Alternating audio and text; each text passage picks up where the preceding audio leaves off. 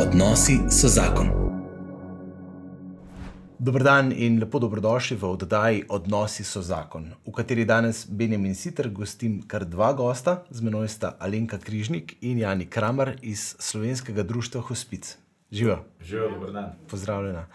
Uh, sem vesel, da ste se mi pridružili tukaj v studiu v Krškem. Um, kaj več o vama in o tem, kar počnete, in o tem, o čemer bo tekla beseda v tej oddaji, bomo povedali takoj zatem, ko uvodoma posvetimo čas molitvi, tako kot je pri nas navada, da bi stvari šle prav v pravo smer. V ime očeta in sina in svetega duha. Amen. Amen. Dobri Bog, tukaj smo, ti si nas postavil v ta čas in v ta prostor. To je čas, ki prinaša posebne izzive, to je čas, ko se zdi, da se rušijo temelji družbe, med njimi tudi vprašanja življenja, vprašanja prenehanja življenja. O tem bi danes radi prav dobro spregovorili, zato te prosimo, da nas napolniš s svojim svetim duhom. Po Kristusu, našem Gospodu, Amen. slava Očetu in Sinu in Svetemu Duhu. Kakor je bilo v začetku, tako zdaj in vse in vekomaj. Amen. Amen. Očeta in Sina in Svetega Duha. Amen. Tako, še enkrat, dobrodošla, živa. Uh, Alenka, ti si naša dižovka. sta z, z možem sta v zakonski skupini že koliko časa s Simonom? Um, ja, že kar, uh, mislim, da šest, sedem let, če ne. Če ne, že mislim, da kar deset, skoraj počasi. Ja. ja, pa se že cajt gre, čas gre hiter. Ne? Ja. Ja, ja, ja. Tako da, ja. Uh, Jani, mi, vida, mislim, se pravi, mi se pa praviš poznamo, odkar, oziroma Tako. družinsko si poznal moje starše prej. Tako, seveda. Um, drugače pa ja, jaz sem uh, malo manj kot 60 let star, uh, ponosen oče treh otrok, Bravo. že trikrat dedek. Tako da, ja, pravzaprav, ja, uh, lepo mi je, sem pa uh, od šele zdaj. Uh, od 1.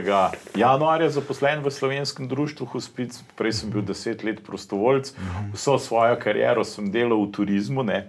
Veliko krat sem bil vprašan, uh, tudi še ko sem v turizmu delal, uh, sem me vprašal, k- kako uh, bi rekel ta preobrat, torej iz uh, enega turizma v ukvarjanje z umirajočimi. Prav se spomnim, ko sem na začetku svoje poti eh, v hospicu eh, eno iz sodelavki odgovoril približno tako. Sem rekel, veš, to je tako kot v šoli, ne? ko smo vedeli, da eh, bomo pisali kontrolko oziroma šolsko nalogo, ne?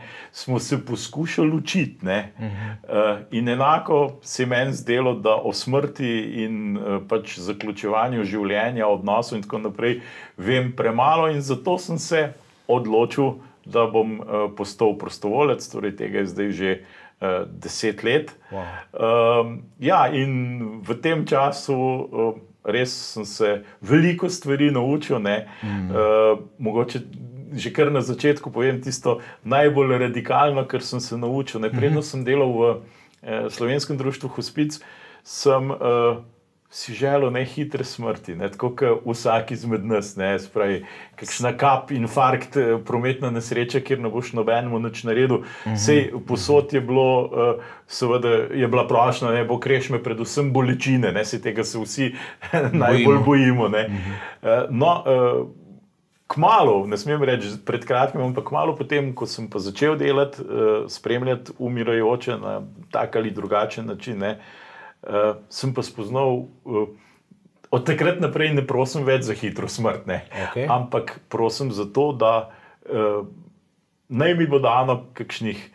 Nekaj dni, običajno so po izkušnjah, ne so to je nekaj tednov, kljub vsemu, ne, mm -hmm. tudi če bo malo bolelo, tudi mm -hmm. če bom okusil to, bi rekel, življenje, tudi iz bolniške postle, mm -hmm. zato, mm -hmm. da bom lahko naredil življenjsko bilanco, zato da bom lahko eh, komu rekel adijo, komu rekel oprosti. Mm -hmm. In uh, naučil sem se to ne, eh, v teh desetih letih na smrtni postli ni še noben rekel, hej, škoda, da nisem bil več v službi. Škoda, da nisem več zaslužil. Eh, Zanimivo, ob koncu življenja ne, tudi ta pregovor na slovenska, bi človek rekel, ne, na smrtni posli se ne pogovarjamo o dediščini, ne, ampak koga bi še rad videl, komu bi še rad rekel adijo, eh, komu bi se, če je to potrebno, če tako čutim, tudi upravičil. Wow. hvala za ta močen uvod. Um, Alenka, kaj je tebe nagovorilo, da si šla v te vode? Ti si bila prej tudi na centru za socialno delo in si šla potem se predstavljati v hospic. Ja, tako kot um, sem že pred dnevi v enem intervjuju povedala, da v, v take poklice te najprej vodi nek zgled. Ne? Moja mama je skrbela za uh, očetovo um, sestro in um, brata, ki sta živela z nami. In potem skozi zgled vidiš pomen tega um, podpore in pomoči. Um, na center za socialno delo sem prišla tako čist po naključju uh, in tam tudi bila potem 11 let. Um, s hospicem sem se prvič srečala kot uporabnica, ker sem imela precej hudih um, izgub v življenju in so pač puščale nekako posledice tudi na meni.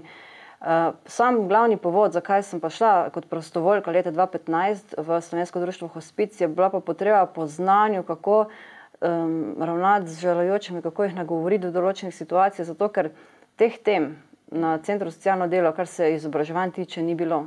Nihče, in tudi moram priznati, da jih niti še zdaj ne zasledim.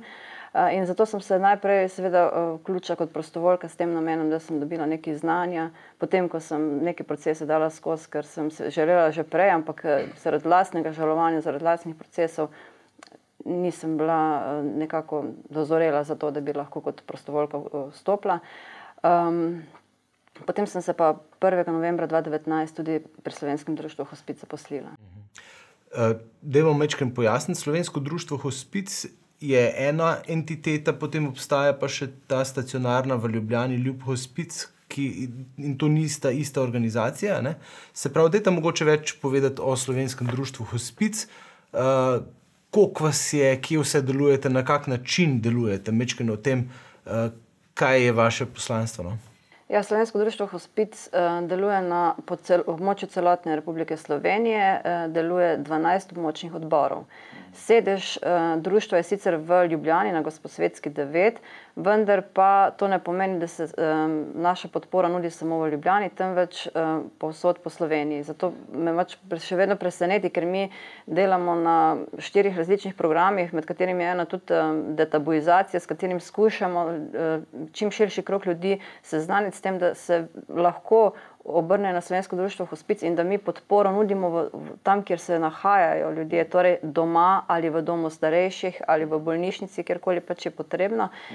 In da naša vloga je razbremenilna, se pravi, v sami v družbi in pokrivamo celotno Slovenijo. In še vedno se najdejo ljudje, ki tega ne vedo, tudi strokovni delavci na zdravstvenih domovih in tako naprej. In tam, kjer, mi, kjer nas sprejmejo kot kompetentne partnerje v zdravstvenih domovih, v bolnišnicah in tako naprej, Eh, tam je zelo dobro sodelovanje, ker se potem tudi povežejo nas in jih zelo um, razbremenimo. Mm. Tam, kjer pa tega nekako še ne, še ne prepoznavamo, mm -hmm. ali pa še nas ne poznajo, tam pa tega ni. In so potem ljudje prepuščeni nekako v teh lastnih stiskah sami sebi, ker jim javni sistem zdravstva ne more zagotavljati take oblike podpore, kot je v tem obdobju potrebujejo. Mm.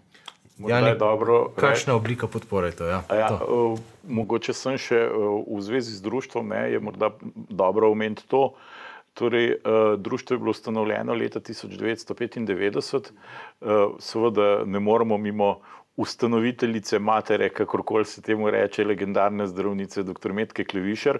Ona je sicer že nekaj let prej v okviru slovenske Karitas uh, organizirala skupino, se reče, kot onkologinja, seveda se je srečevala s smrtjo, umiranjem in tako naprej.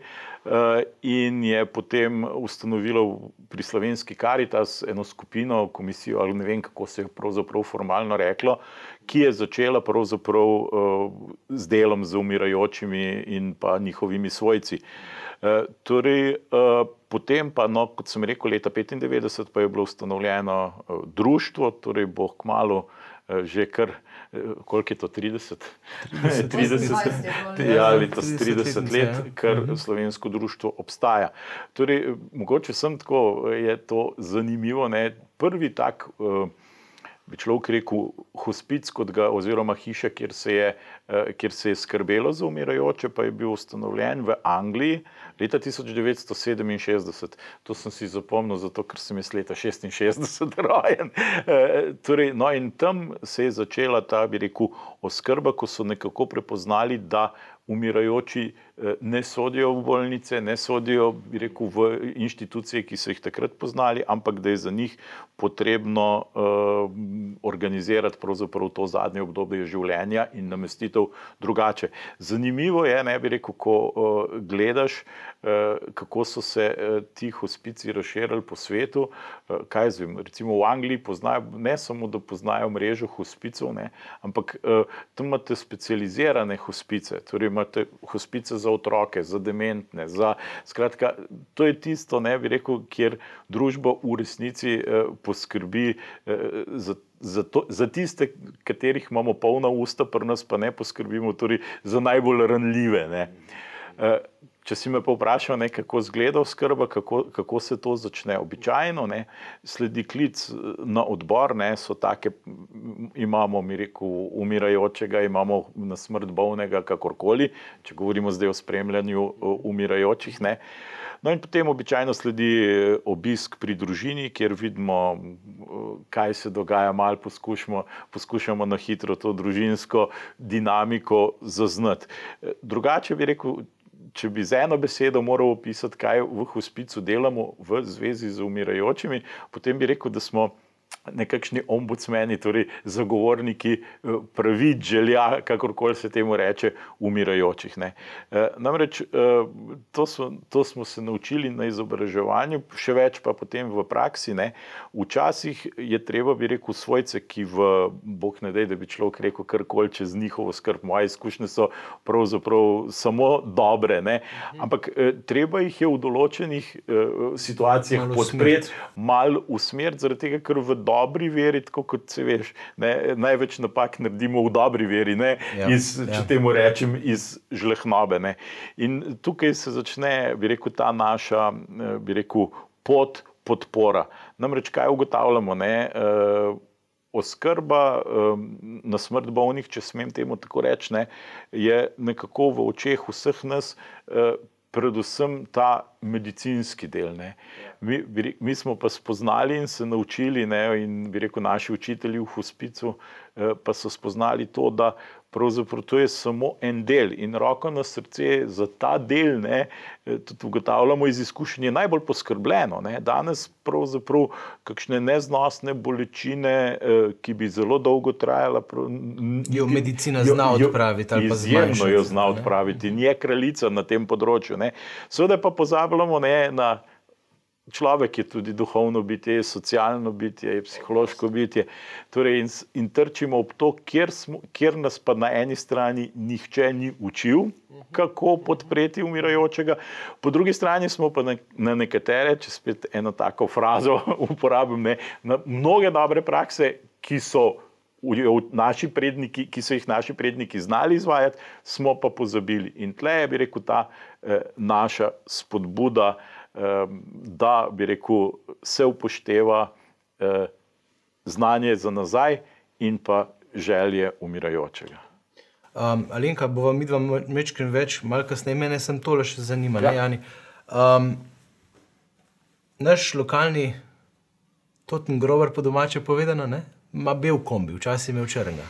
Se pravi, tabuizacija smrti se dogaja povsod na, družb, po vs, na vseh nivojih družbe, do tega, da pač so že skoraj črni kombi za mrtvaške vozove ja. nespremljivi. Kra, krasna istočnica. Ne?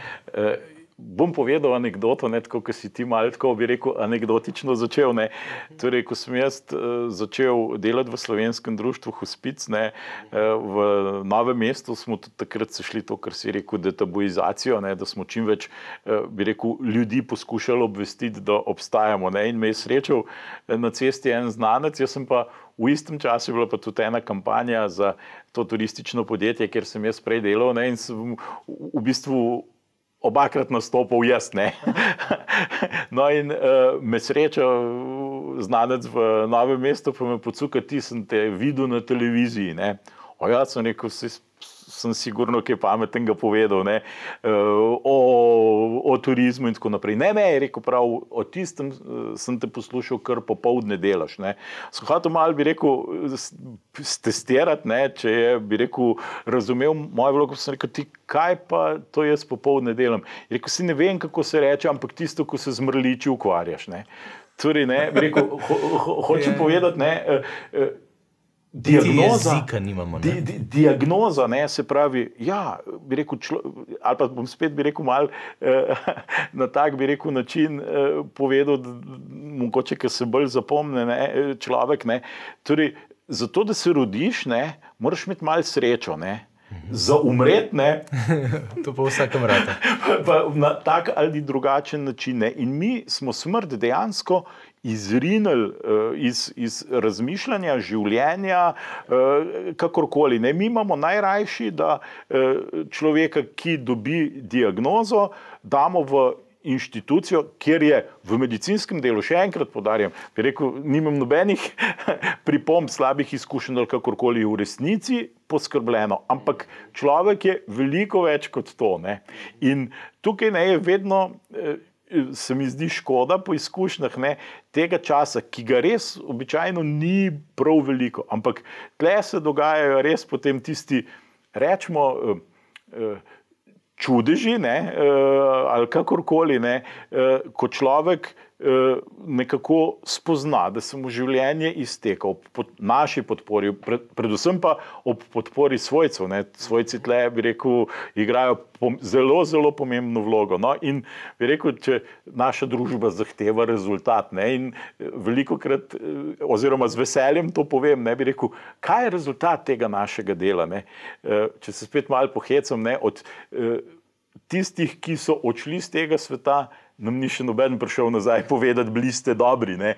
Ampak, bi rekel, ta smrt, kjer smo bili mi zraven, nobena ni lahka. Bog ne dej, na koncu uh, je vedno hudo, težko, ampak da se zdržati. Da se zdržati. Uh, zagotovo so pa rezultat tega, ne, to pa bi rekel, bi lahko tudi številkami eh, podkrepili. Ne, torej, tam, kjer, mi, kjer je hospic eh, zraven, že v času umiranja. Iz tega naslova potem pravzaprav žalujočih, v našem programu žalujoče, za žalujoče, skoraj jih nimamo. Ne? Zakaj? Zaradi tega, ker smo že bi rekel, to umiranje na nek način peljali tako, da so tudi svojci, seveda, težko v sovzah, normalno.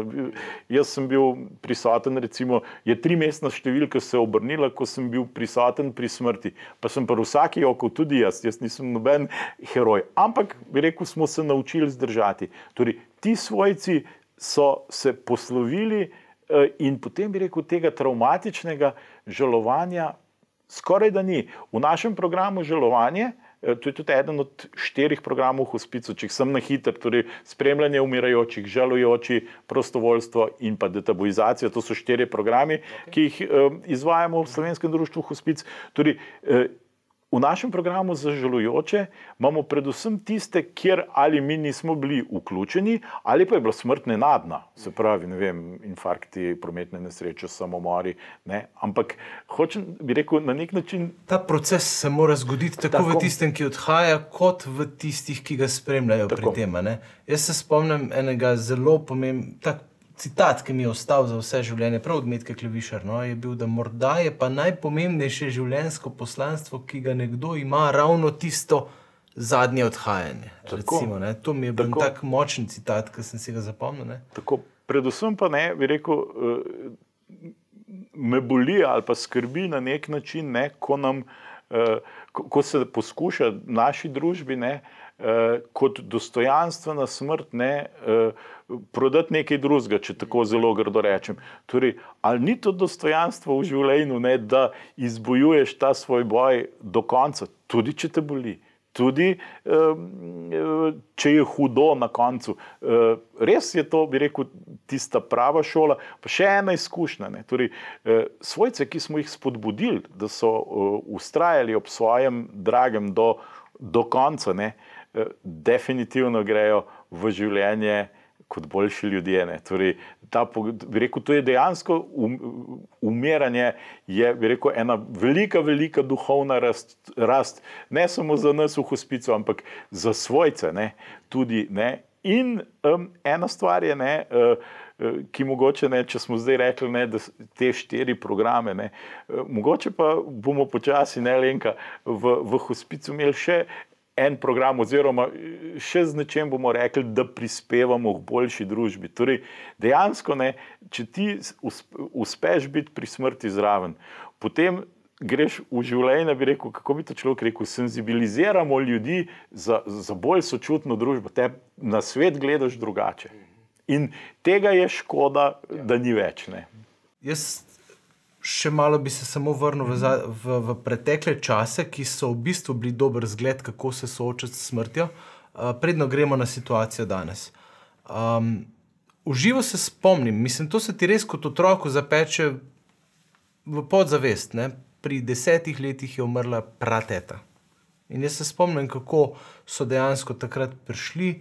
Uh, to sem jaz vse tako kot mali firpček zraven spremljal. Se pravi, ampak uh, prišli so res, uh, so postavili odr v tej njeni sobi, kjer je ona bila, zavese so bile naokrog sveče in se je res tri dni in tri noči molilo poleg nje. In potem smo s drugo v sprevodu, cela vas šli ja. na pokopališče. Mm. Tako, tak res močen socialni element je bil tako močno uh, druženje ob žalujočem. No? Pa ne bom rekel, da je bilo, mislim, bilo je hudo, Obenem je bilo pa tudi uh, ne luštno, ampak tako pač eh, ta podpora je veliko pomenila v resnici. No? Seveda, ja, uh, moja izkušnja, bi rekel, v teh desetih letih je rekel, zelo podobna. Torej, to še kaj dela, to me zanima. Ha, ja, ne smem reči, da ne. Je, je pa treba veliko, bi rekel, spodbujati, oziroma spet ne prej, ko pridemo v družino, ne, da na nek način se o tem pogovarjamo. Ja, se da. Eh, je pa absolutno to, kar si rekel, vse držine, je pa stvar taka. Ne? Ljudje smo, smo ratali komot, ne? nam je bolj komot, ne? tako kot smo se prej pogovarjali, nekoga, ki je bolan, da tu bolnico in potem počakati, grdo rečeno na. Ne bom rekel tisto, kar sem prej rekel, ampak žaro, ne, in potem v štirih urah gremo, kdo se je tukaj uspel posloviti od koga. Torej, že v, tem, v tej fazi umiranja ni bilo nekakršnega zaključovanja odnosov, ker se še eh, nekako eh, bojimo soočati, bi rekel, s človekom, ki je še živ. Ne. Potem pa ne, to, kar si rekel, ne, torej, vse to, vsi ti običaji ali pa bi rekel obredje, če smem temu tako reči, ne, ob slovesu, ne, so imeli seveda globoko, globoko verski pomen. Ne pa samo tega. Ne. A veš, ne, nekoga, ko so ljudje čuli tri dni pri nekom, ne, uh, to, v, ti, v tistih dneh, ko je bilo najhujš, ko je bila rana, bole, rana izgube najbolj boleča, ne, ja, niso bili sami, niso bili sami, ne, po dnevi in po noči. Uh, potem, ne vem, je bil sedmi dan spet, bi rekel, so molili, ampak ne samo to, ne, ponovno so se srečali, a rabite še kaj. Ne. In, da ne govorim 30 dan in tako naprej. Ne. Jaz ne mislim, da, da, da, da verjetno ne, da bi. Ponovno čuli tri dni, ne. ampak ne, če, če se ozreš malo okoli, ne, naše mrliške vežice so, bi rekel, eno stopno više. Jaz si predstavljam, da nekdo ne more biti doma vem, v bloku, ne. ampak riskirajte pa en večer, ne. pa bodite tam, dajte možnost, da se, še, da se drugi poslovijo od vaše drage osebe, in potem, ne, potem naslednji dan pa imejte pogreb, tako kot se spodobi. Hvala. Um, Alenka, huh, danes smo čist drugi. Danes smo v situaciji, ko se pogovarjamo ne samo o detabuizaciji smrti kot take, ampak o pospeševanju smrti, o eutanaziji, o pomoči pri samomoru, ki naj bi bila avtonomna smrt, pa to ni. Ne? Se pravi, um, ti si pravnica. Ja. Kaj nam lahko poveš o tem zakonu, ki se pripravlja, ki, ki prihaja in ki se zdi, kot da je neizbežen, pa je to samo zaradi nasilja tistih, ki so pač trenutno ideološko močnejši? Ali pa ideološko so šla, šuhnejši, imajo pa večjo moč. Um, Ja, um, jaz bi tako mogoče malo vrnila nazaj, pač, ker je bilo že prej nekako na- nakazano s tistim kombijem. Ne.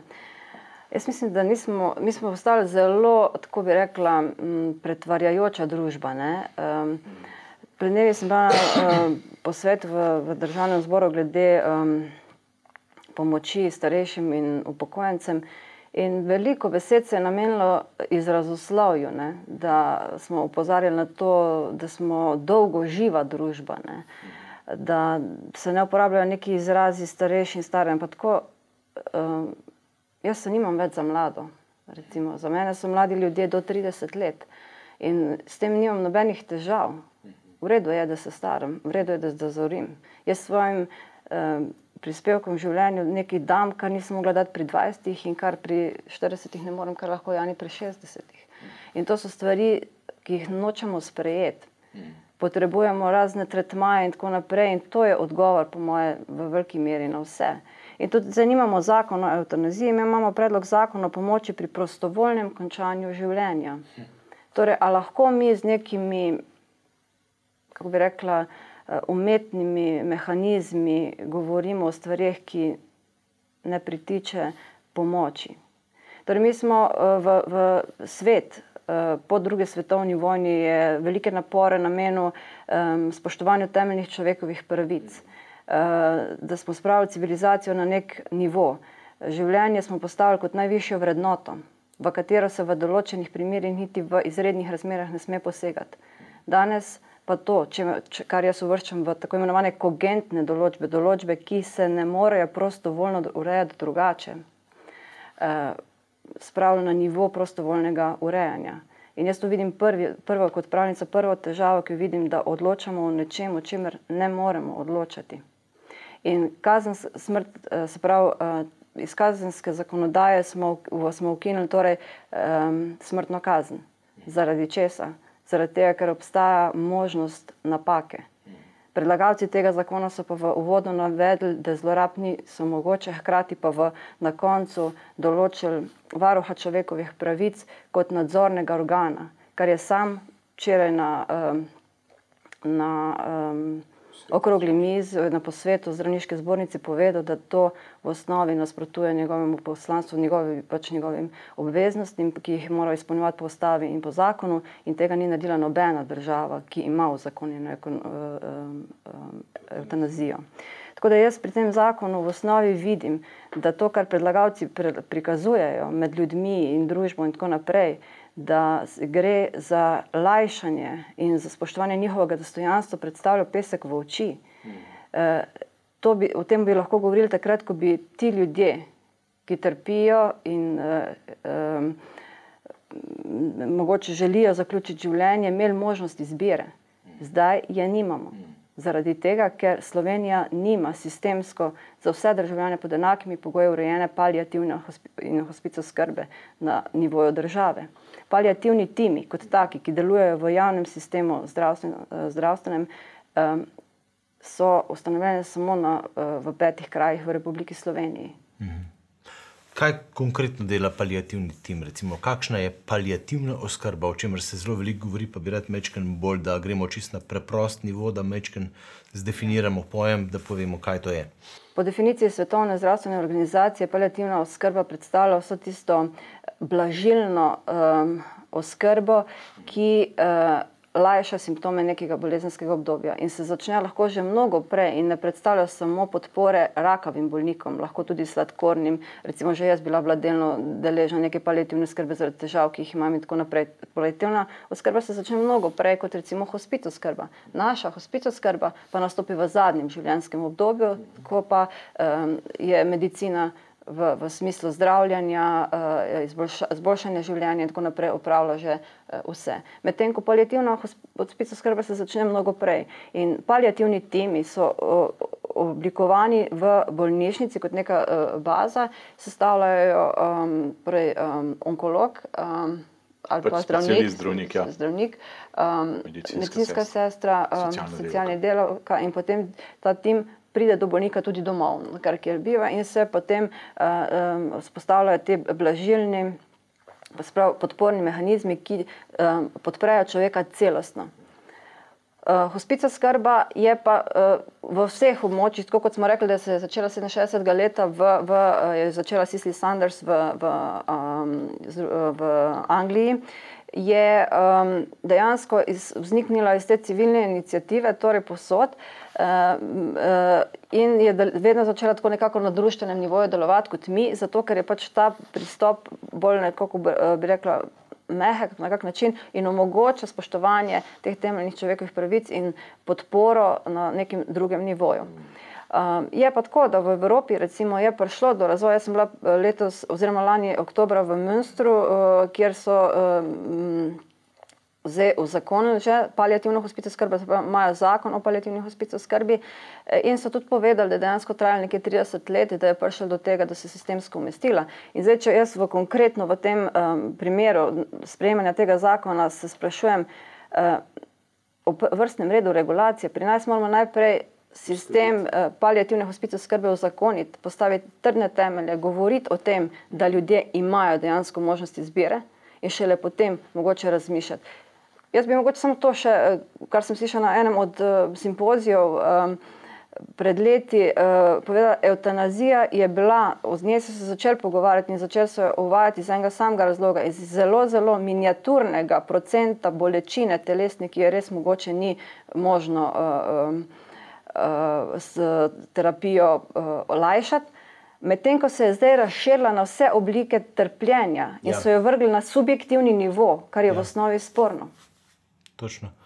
Jani, se pravi, to gre malo za princip kuhane žabe. Ne, ne, se pravi, začne se nekje, kjer se res zdi upravičeno. Mislim, da smo v tem primeru bili tudi v Sloveniji precej deležni propagande, če tako rečem, uh, od preverjenega in naprej te, te uh, nekdanje ravnateljice, ki je šla zdaj v Švico. Mislim, zelo močno predstavljena zgodba, ki je pripravljala medijski teren za to, da bi bili ljudje temu pač nekako bolj naklonjeni. Uh, in moram reči, ko se pogovarjaš z ljudmi, mnogim se zdi to kar nekako malo upravičeno, v smislu, ja, pa da res ne bomo tako trpeli. Tako, se pravi, je nek na vides človekoljuben element tukaj zraven, uh, trpljenja se bojimo kot hodič križa do besedna, se pravi. Uh, ampak Kam vodijo te zadeve, recimo, sodeč po izkušnjah iz tujine? Mogoče? Jaz bi rekel, ne, iz izkušenj v delu z umirajočimi. Ne. Mi smo dejansko imeli nekaj primerov, ko so nas ob začetku, ko smo se srečali, so nas prosili, da mi boste pomagali umreti. Ne. Ja, bomo, ne bomo z vami. Ne, ne mislim, ko bo hudo, ne, če bom dobil pač, injekcijo, kakorkoli že. Ne. Eh, mi smo rekli, seveda, da se s tem ne ukvarjamo, ampak eh, tisto, kar nas pa eh, še bolj utrjuje v neki upravičenosti našega dela, ne, ko je ta, ki je izrazil željo, bil nekaj časa v, v, v naši oskrbi, se pravi, ko ga ni bolelo, ko ni bil žejen, ko ni bil sam, ko smo mu pomagali narediti neke korake v tem zaključovanju življenja, nikoli več ni rekel, da bi. Mm vzel ali pa prosil za pomoč pri končanju življenja, ali pa če zelo kruto rečem, ne, ne se mu ni mudilo umreti. Ne. In bi rekel, moja izkušnja je, ne, da je dejansko prekinitev življenja, kakršna koli, ne, to je nekaj, ne, eh, bi rekel, ne gre za to, eh, za verski, ideološki ali kakršen koli razlog, ampak dejansko človek ni narejen za to, ko mi spremljamo nekoga do smrti. Ej, telo se bori do konca, vsak dih na koncu je eh, prigaran. Je prigaran, se pravi, ni nekaj, zdaj sem se pa jaz uh, udal. Uh, uh, Doktor Petra Gornik, uh, šefica palijativnega tima v uh, Novem mestu, ne, bolnici Novo mesto. Ona, sem parkrat so skupaj uh, bila na uh, predavanjih, detabuizacijskih dogodkih in tako naprej. Ona tako lepo reče, ne, bi rekel, la, seveda bi to kakšen zdravnik še lepše pojasnil, ne, ampak ona reče, ona pravi, zakaj prehitevati, če ima pa telo ugrajen program zaključevanja življenja, ki, rekel, ki ga mi, lajki, ki to spremljamo, ne, eh, rekel, ga opaziš. Spravi, kaj pa je drugega, ko eh, vem, v zadnjih dnevih življenja človek postane, bi rekel, uh, veliko spi. Mogoče je to prvi, prvi znak, da se je vključil program umiranja. Ne, ne vem, pa ne vem, da, da ratajo od periferni organi, ratajo malo modri. Ne, pravi, ni več potrebe, da bi kri ne vem kako intenzivno, pa da se jaz ne zapletam v medicinske raziskave. No, ampak me, človeku... mene če zanima, tako par takih zelo očitnih znakov umiranja, to mi je tako zanimivo. Pač. Ja, prvič je, prvič je manjša odzivnost, se več se spi, nič več se, eh, ni potrebe po eh, hrani, pijači, odzivnost se zmanjšuje počasi gre to eh, v, v, v komo. Ne. Zanimivo je tudi, ne, to sem eh, tudi to zdravnica vprašal, pa je rekla, da je to nekaj najbolj normalnega. Ne. Recimo, da, eh, da se ob koncu življenja tudi eh, potreba po analgetikih zmanjšuje, ne, ker telo, ne, spet smo pri tem programu. Zaključevanje za bolečino. Tako, tako.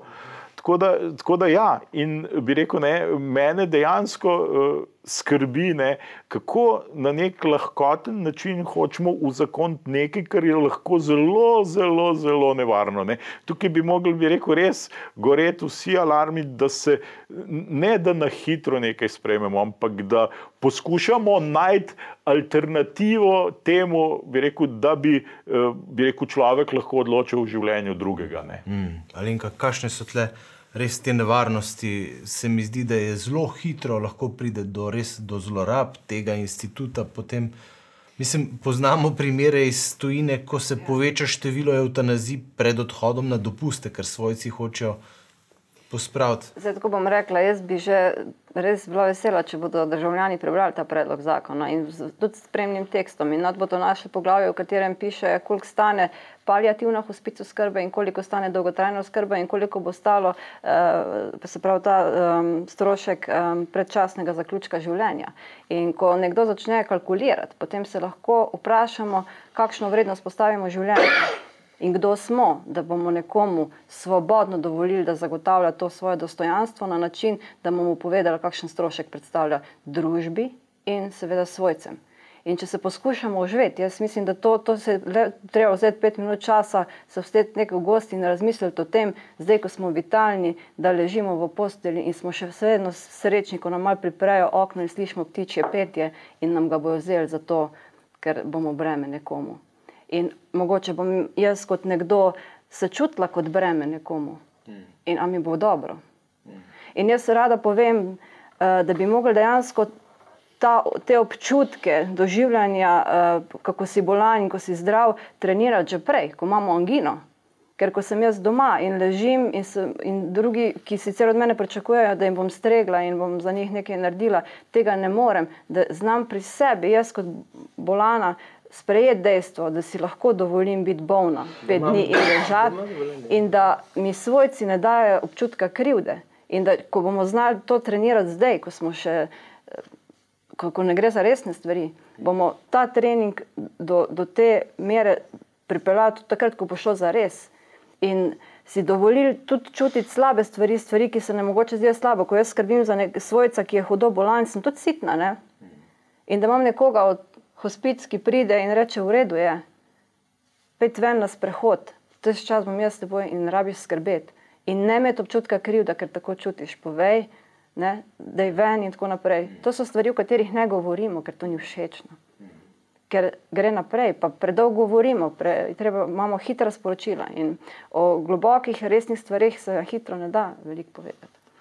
Mogoče ne sem od še kakšna nevarnost tega, ker si ti ne toliko pravniška, ne, ampak recimo mi se dejansko ne, eh, še nismo zmenili, eh, tudi kar se terminologije tiče. Ne. Eh, recimo govori se, veliko krat slišim, ne, pasivna eutanazija. Ne. To ne obstaja, ne. to se pogovarjamo o lesenem štedilniku. Ne. Eutanazija pomeni neposreden poseg nekoga drugega, v tem primeru zdravnika, v uh, človekovo telo, torej da skrajšaš življenje. Ne. Eh, kaj hočem povedati? Ne? Eh, tudi mi v hospicu se ne zauzemamo za to, da bi se eh, življenje, bi rekel, podaljševalo v nedogled, da bi se pravzaprav izkušnje govorijo, ne, da se podaljšuje trpljenje. Ne. Kaj hočem reči? Ne? Mi veliko krat spodbujamo, ne, ali pa bi rekel, čisto osnova, koliko imamo mi klicev, joj, naša mama je nehala jesti, kaj ćemo narediti, če ne bo jedla, bo umrla. Ne. Ni res, ne. Ona je nehala jesti zaradi tega, ker je bolezen napredovala in ona bo umrla zaradi tega, ker je bolezen napredovala. Tako, ne pa, ne pa obratno. Rekel, izkušnja tudi govori, ne, ko moramo včasih spodbujati svojce v tem smislu, ne, ko v tej skrbi, bog ne dej, da bi karkoli kritiziral uh, svojce, ne, ampak sej, uh, jaz verjetno, če ne bi bil v hospicu, pa imel te izkušnje, pa poslušal nekaj predavanj v zvezi s tem, ne, bi tudi podobno mis razmišljal, ne, ampak, a veste, ne, raj, veliko lažje je kakšno uh, napravo ne priključiti, zaradi tega, ker bo samo podaljšvala eno trpljenje, ne, Eh, rajš pustiti eh, naravi, mi re, verni rečemo Bogu, kakorkoli, da to naredi v buri, ki jo je on določil. Ne. Eh, zakaj? Zaradi tega, ker se pa potem zgodi, da je lahko velika zadrega, ne, ko ta naprava podaljšuje trpljenje in jo še veliko težje izključiti. Ne. Tako da ne, mi ne podaljšujemo, bog ne dej, ne bi rekel, kolikrat smo re, res v tej situaciji, ko moramo podpreti ne, um, svojce v, v, v tem, da uh, ne priključijo česa. Ne. Mhm. Ali enkrat temu se strokovno reče, kako? Uh... Ja, zdaj, tako, jaz bi tako, tudi ti predlagalci zakona nekako zavajajo, da mi imamo de facto že uzakonjeno to pomoč pri tem in ravno s tem argumentirajo, da je tudi temu zato, ker se potem zdravnik odloči, da ne bo nekoga reanimiral in to je pač njihovo tveganje to ne drži in tudi zdravniki jasno povedo, da oni kot strokovnjaki ocenijo, kdaj je situacija taka, da se odločijo, da, da se do, ne reanimira človeka, ki je v terminalni fazi v zadnjem življenjskem obdobju, ker bi s tem podaljševali trpljenje. To je osnova njihovega dejansko poklicne etike. In jaz uh, mislim, Navajanje teh predlagateljev ravno v tem, da to gre dejansko že za eutanazijo, popolnoma ne drži. Gre, dejansko je tak način ravnanja, torej podaljševanje preko tistih naravnih meja, predvsem na ekvivalentnem nivoju za eutanazijo, ker mi v vsakem primeru presegamo nekaj, kar je narava doseg, eh, pač dovolila, da dozori, kot sadeš na drevesu. In jaz osebno menim, da tukaj je pač neke vrste zavajanje. Verjetno si pa mislil v naprejšnjo voljo. Prav, eh, ja. Zakon o um, pacijentovih pravicah omogoča nam vsem, da mi lahko izrazimo. Um, polnoletne osebe lahko same izrazijo, da ne želijo takega načina, eh, se pravi, uživanja, ko je zdravljenje zaključeno, ko smo v, v, v takem stanju zdravstvene, da medicina ne predvideva več uh, izboljšanja stanja. Uh, in v, v tej izjavi naprej pač to pri notarju, kako koli izjavimo, in se ta izjava potem hrani. In če se takrat, ko jaz recimo ne bom več mogla povedati tega, ker dokler jaz lahko povem, ni problem, problem je takrat, ko ne morem več povedati, pa tega ne bi želela, to izjavim. Me pa nagovorila pač. Uh, pred časom ena izjava zdravnice, ki se ukvarja s tem in je zelo pomembno upozorila na pomen uh, kontinuiranega preverjanja tega, te moje izjave. Ker imeli smo ALS bolnike, to je ALS bolezen je takšna, ker prihaja do odmiranja tega um, pač, um, ja, celic in dejansko potem na koncu prihaja do tega, da oseba ne more dihati. Ne. In je v, v neki fazi začetni podpisala izjavo, in tako naprej, kasneje, ko je šlo pa za res, ko se je že to dogajalo, je pa svojo izjavo preklicala. In kar se meni, ko berem ta zakon, najbolj problematično je ravno to, da, da je zapisano, da lahko kadarkoli do konca to izjavi. Ampak kako je pa takrat, ko jaz na koncu več ne morem govoriti? Pa bi rekla, le bom pa še počakala, če sem do sem prišla, bom še pa do konca, pa sem si mogoče premislila, pa ne bom izjavila in tega ne bom. Imaš, nimaš te možnosti. Tako, in to druga stvar, tako kot je Jan že omenil, samomor. Pa se se ve, kaj je samomor. Tudi samomor je stvar narave. Tudi samomor se ne zgodi, samo, mislim, tukaj gre za degradacijo, bi rekla, psihološke, psihoterapevtske in še medicinske znanosti, ki je v desetletjih prišla do nekih spoznanj, zakaj prihaja do samomora in to, zakaj privede do tega samo trpljenje ni. Zdravniki, ki delajo dlje časa z kroničnim bolnim, eh, včeraj je nefrologinja, pač, ki se ukvarja z dializnimi eh, bolniki. Dializni bolnik samo na dializo enkrat ne bi šel, pa trpi, seveda trpi. Pa je rekel, da takih primerov, če se je zgodil en v, v 30 letih. Se pravi, se on, če ne bi enkrat prišel na, na dializo, umrl bi in vsi to umrl, vejo, vsi to vejo, pa tega ne naredijo. Tako da posploševanje, sklicevanje 50 ljudi na leto v Sloveniji z 2 milijona prebivalcev, to je ogromno ljudi. To ne opravičuje tistega miniaturnega procenta neregulirane bolečine telesni, ki naj bi opravičevala to. Katera številka je to 50 ljudi, kaj to pomeni? V, v predlogu zakona predvidevajo, da bo nekje do 50 ljudi se na leto Odločilo eutanaziralo. za eutanazijo. Tako da oni že v samem predlogu navajajo, koliko predvidevajo. Potem so oni tudi že tako čist utilitaristično pomengelevsko zračunali, koliko bo to prehranilo državni blagajni. Tako, ja. Mene še dve stvari, bi rekel, tako na nek način skrbita. Ne. Uh, prvo je ta, ne, spet ta lahkotnost sprejemanja. Ne, se pravi, uh, jaz, če uh, samomorilcu pomagam, da naredi samomor, ne, uh, sem kazensko odgovoren. Torej, kaj ta zakon govori, nekaj drugega. Ali ni to čist protiustavno v resnici? In še ena stvar, ne bi rekel, oprosti, ne, si omenila to nefrologinjo. Ne. Jaz sem pa govoril z enim urgentnim zdravnikom, ki mi pa rekel, bi rekel, dejansko bi rekel, ne bi bil rad v njegovi koži. Ne. Je rekel, pravi, jaz grem do povdne uh, reševati, ne vem, samomorilca, ne, če zelo grdo rečem, snemati z drevesa. Ne. Se pravi, bom naredil vse, da bo preživel, popovdne bom pa mogel nekomu uh, nekoga eutanazirati. Je Rekel, prav meni se bo zmešalo. Ne. To je zelo pomemben aspekt, ki ga zdaj pač odprl. Uh, zdaj so izšle dve um, um, knjige v angleščini, kjer se opisujejo um, stiske zdravnikov, ki morajo to početi. Uh, in ostalega medicinskega osebja in tudi svojcev, ki so mogli sprejemati odločitve, ker takrat pr- prihaja do nekih sprememb, in to so konkretne zgodbe. In te zgodbe gre prebrati um, zaradi nekih bodočih stvari. Jaz osebno trenutno mislim, da v Sloveniji nimamo niti temeljev. Ne? Niti temeljev. Osnovnega ko- razumevanja je čisto. Ja, pravi, tudi sam zakon je v osnovi temelj zgrešen, kot si omenil, torej eh, je neustaven trenutno, ker se nas če ustave um, življenje um, predstavlja kot vrednota, ki je nedotakljiva. Uh, in um, zdaj, kar se tiče kazenskega zakonika, se so s tem zakonom te določbe razveljavili. Se, se pravi, so vse posod, kjer so v trenutnem pravnem sistemu, mi imamo varovalke za zaščito um, življenja in uh, tako naprej. In je zakonsko, tako kot je včeraj profesor Krajnc povedal, trenutno je poseg v življenje dopusten samo v eni stvari, to je v primeru silobrana. Uh, vse ostalo je um, um, nezakonito in neustavno. Tako da tukaj zakon je v osnovi trenutno za moje pojme neustaven. Eh, Seveda bi potem z neko interpretacijo lahko prišli marsikam in to je tisto, kar je pač osebno jaz menim problematično, tako kot sem rekla in na samem začetku. Mi nimamo osnovnega urejenega zdravstva, socialnega varstva in paliativne hospice skrbe. In dokler tega ni, mi nimamo niti temeljev. In drugi temelj, ki bi mogel obstajati, je, da je za to stroka. Pri nas so zdravniki, ki so temeljna stroka na tem področju, popolnoma in odkrito proti. Jaz zaenkrat, če nisem, uh, verjetno obstaja kdo, ki se bi strinjal s tem, jaz pa trenutno nikogar ne poznam, ampak eh, zagotovo pa je večina uh, zdravstvene stroke proti temu. Govorim o zdravniški zbornici in tako naprej. Je- Zakaj torej tako močan poriv? Ne? Se pravi, gre za ideološko ozadje. To bi jaz težko ocenjevala, ker se niti ne želim fokusirati na ta področja, ki ne sodijo, niti ne želim pavšalno ocenjevati stvari, ker to, to vidim na nasprotni strani zdi se mi nestrokovno. Uh, bolj se mi zdi pomembno to, kar v realni oceni lahko vidimo. Ne. Tako da tukaj osnovno sorazmernost, se pravi osnovno so, uh, ravnovesje, ki ga mi v družbi ali pa v pravu ali pa kjerkoli moramo spostaviti, tukaj ga ni.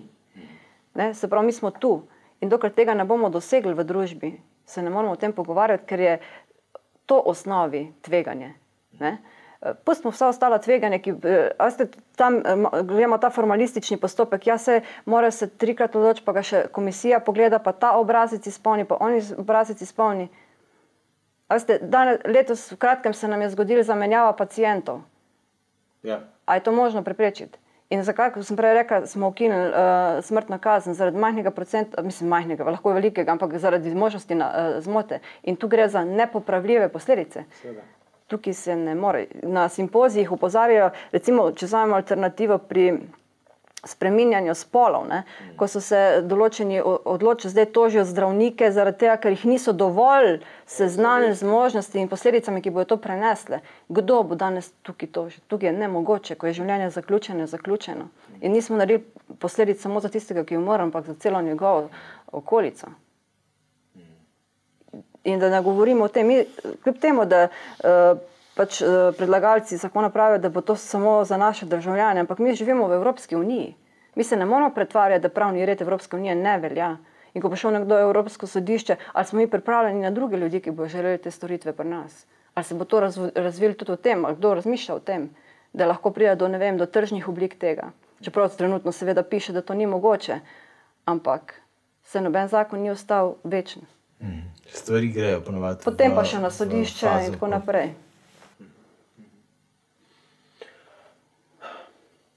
Jaz, ja. Jaz bi mogoče samo to, kar se teh stvari tiče, iz tujine, ki jih slišimo stvari. Ne? ja.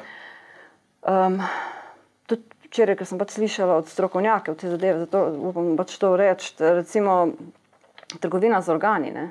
Um, vemo, kdo so primerni darovalci. To so mladi in zdravi ljudje. In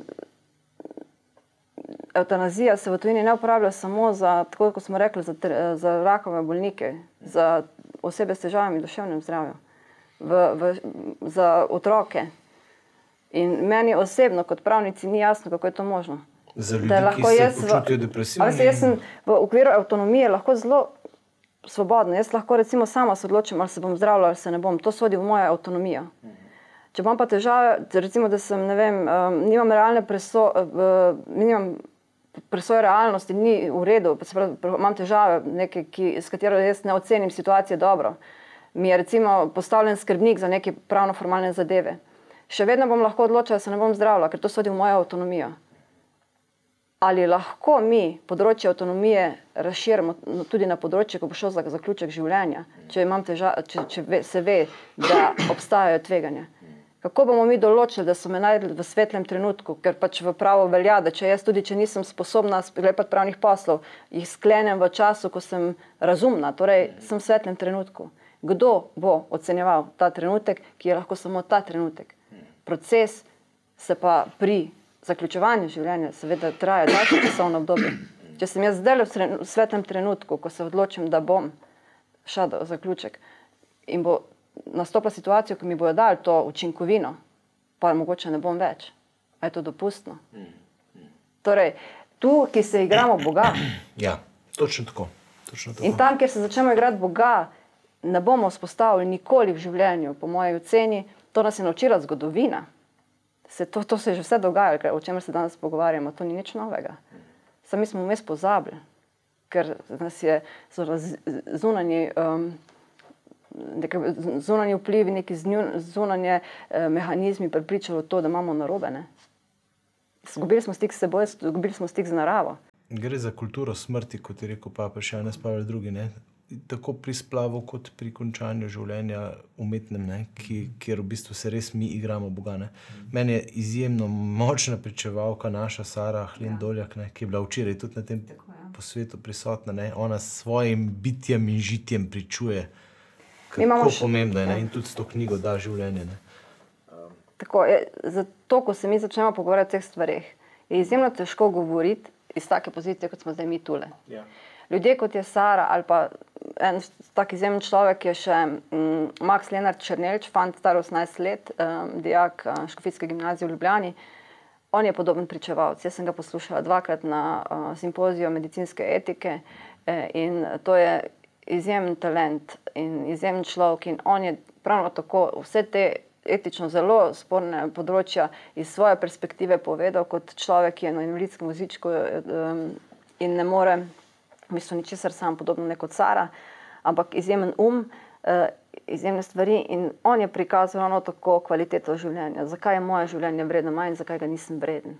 Zakaj bi bilo samo to, da se lahko samo oblečem, samo obujem, sam grem na stranišče, eh, tisto, eh, Kar Ka- vrednost. tako. In jaz bom tako rekla, jaz ne morem soditi, kakšno je njihovo življenje. Oni pa ne morejo soditi, kako, kaj jaz čutim, ko jim pomagam. Če jim. Se pravi, jaz, kot, jaz imam slučajno tudi to priložnost v življenju živeti um, um, s človekom, ki je na vozičku. In meni je izjemno pomembno, ko, ko sem z njim zaplešem, on na vozičku je tako. In um, ne zdi se mi pošteno, da um, tudi tisti ljudje, ki so odvisni od drugih, mislijo, da so nam samo breme in da mi od njih nič nimamo. Hmm. Tako da um, ja. ena taka vrednost, ki težko najdeš besed, ne, ki jim težko um, nameniš prostor v tem hitrem, užitkarskem svetu, uh, se mi zdijo pa izjemno pomembne, iz, iz njih se raste dobro. Tako da to se mi zdi nekako um, problematično. No.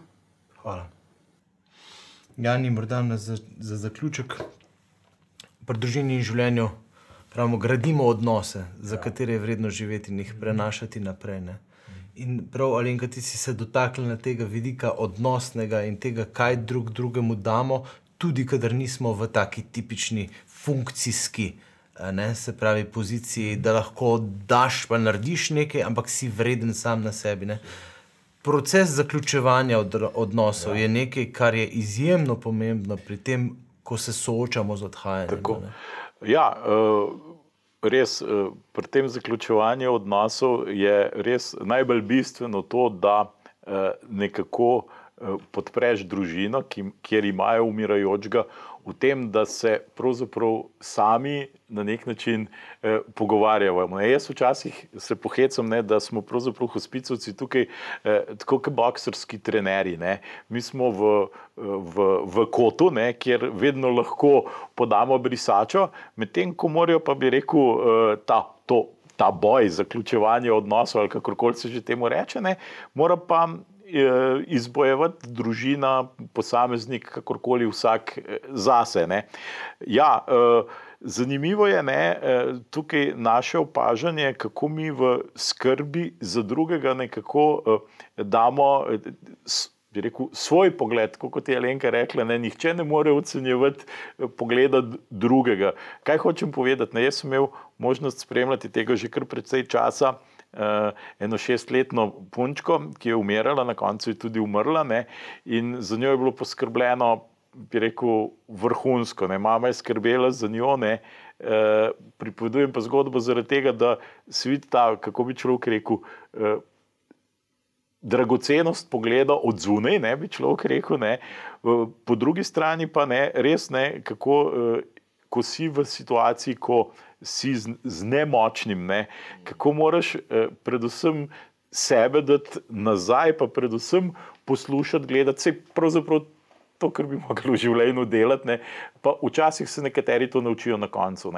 No, ta punčka ne, je vzorno je bilo poskrbljeno za njo, to res eh, vse. Ne, in jaz ne bom nikoli pozabil, četrtek je bil, ko sem jaz prvič prišel k njej uh, na obisk. Ne, uh, No, in uh, smo se igrali, lušno je bilo res fajn. Uh, uh, mama je šla na, ne vem, po upravkih v mestu, ne dve, tri ure sem jaz tam preživel pri njej. Ne.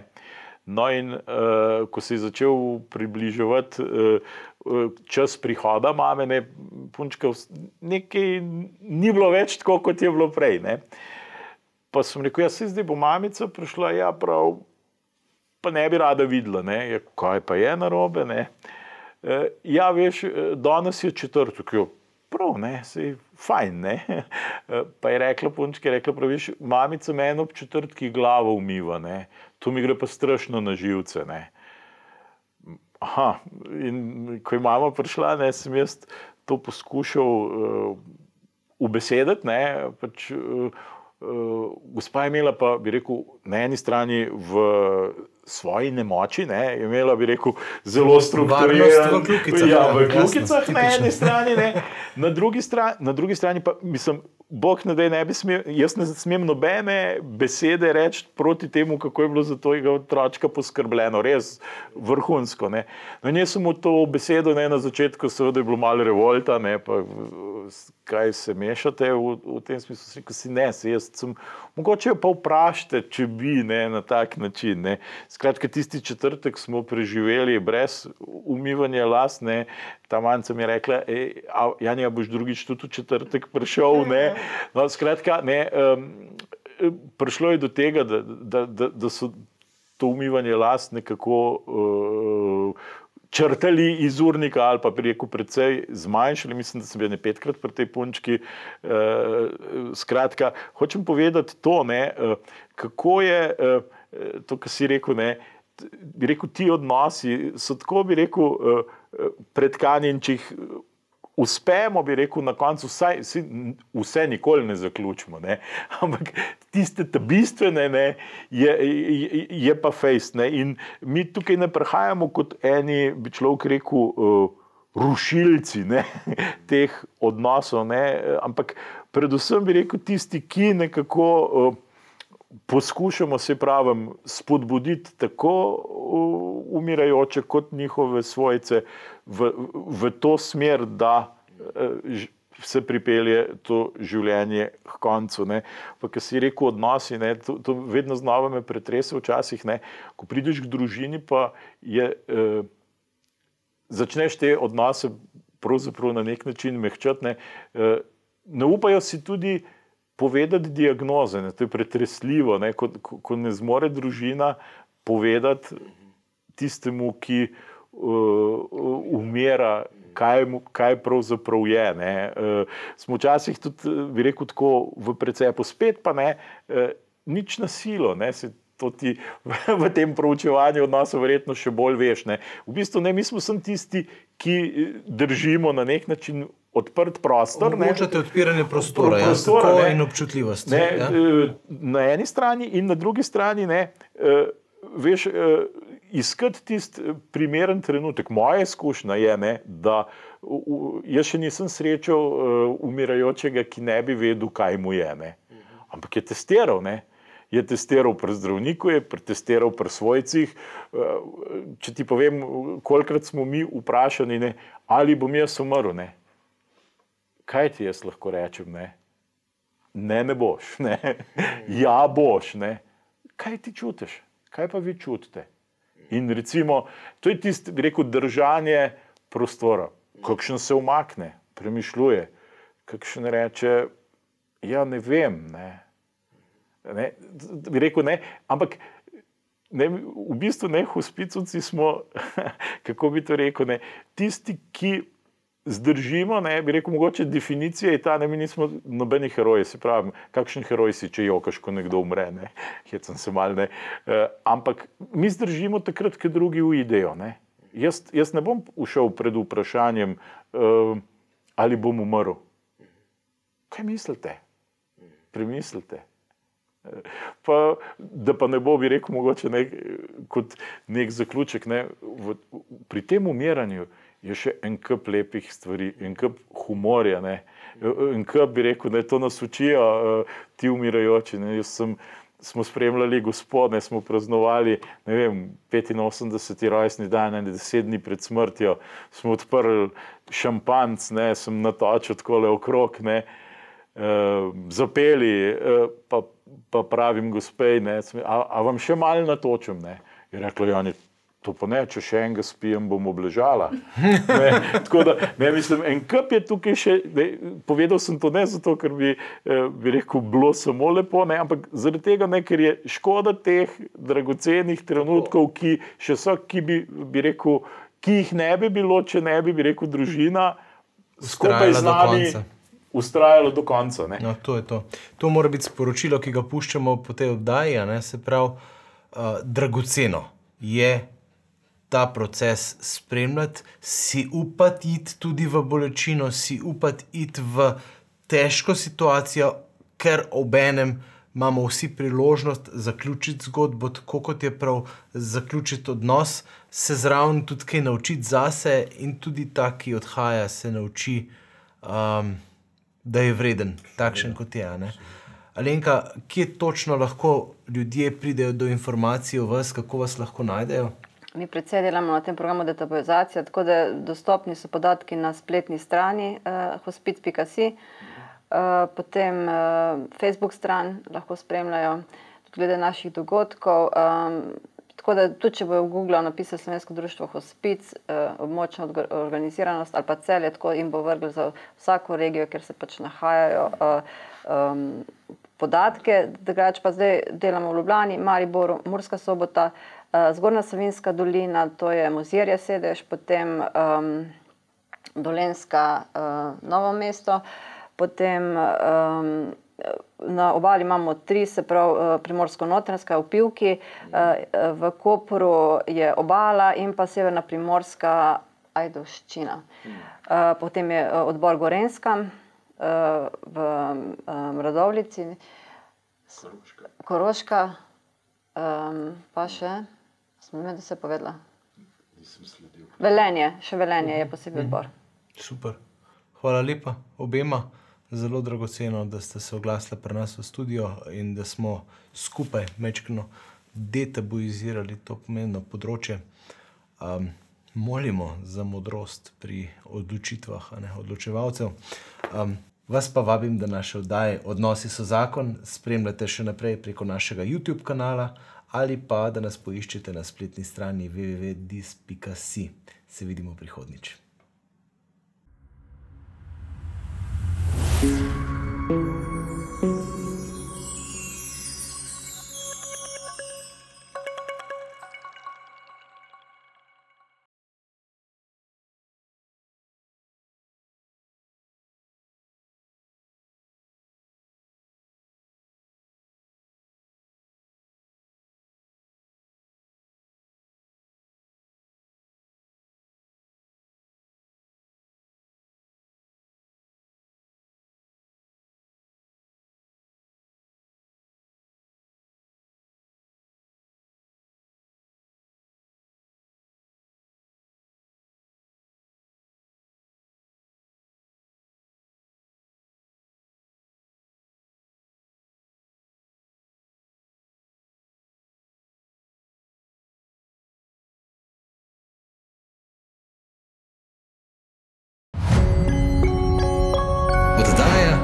Odnosi so zakon.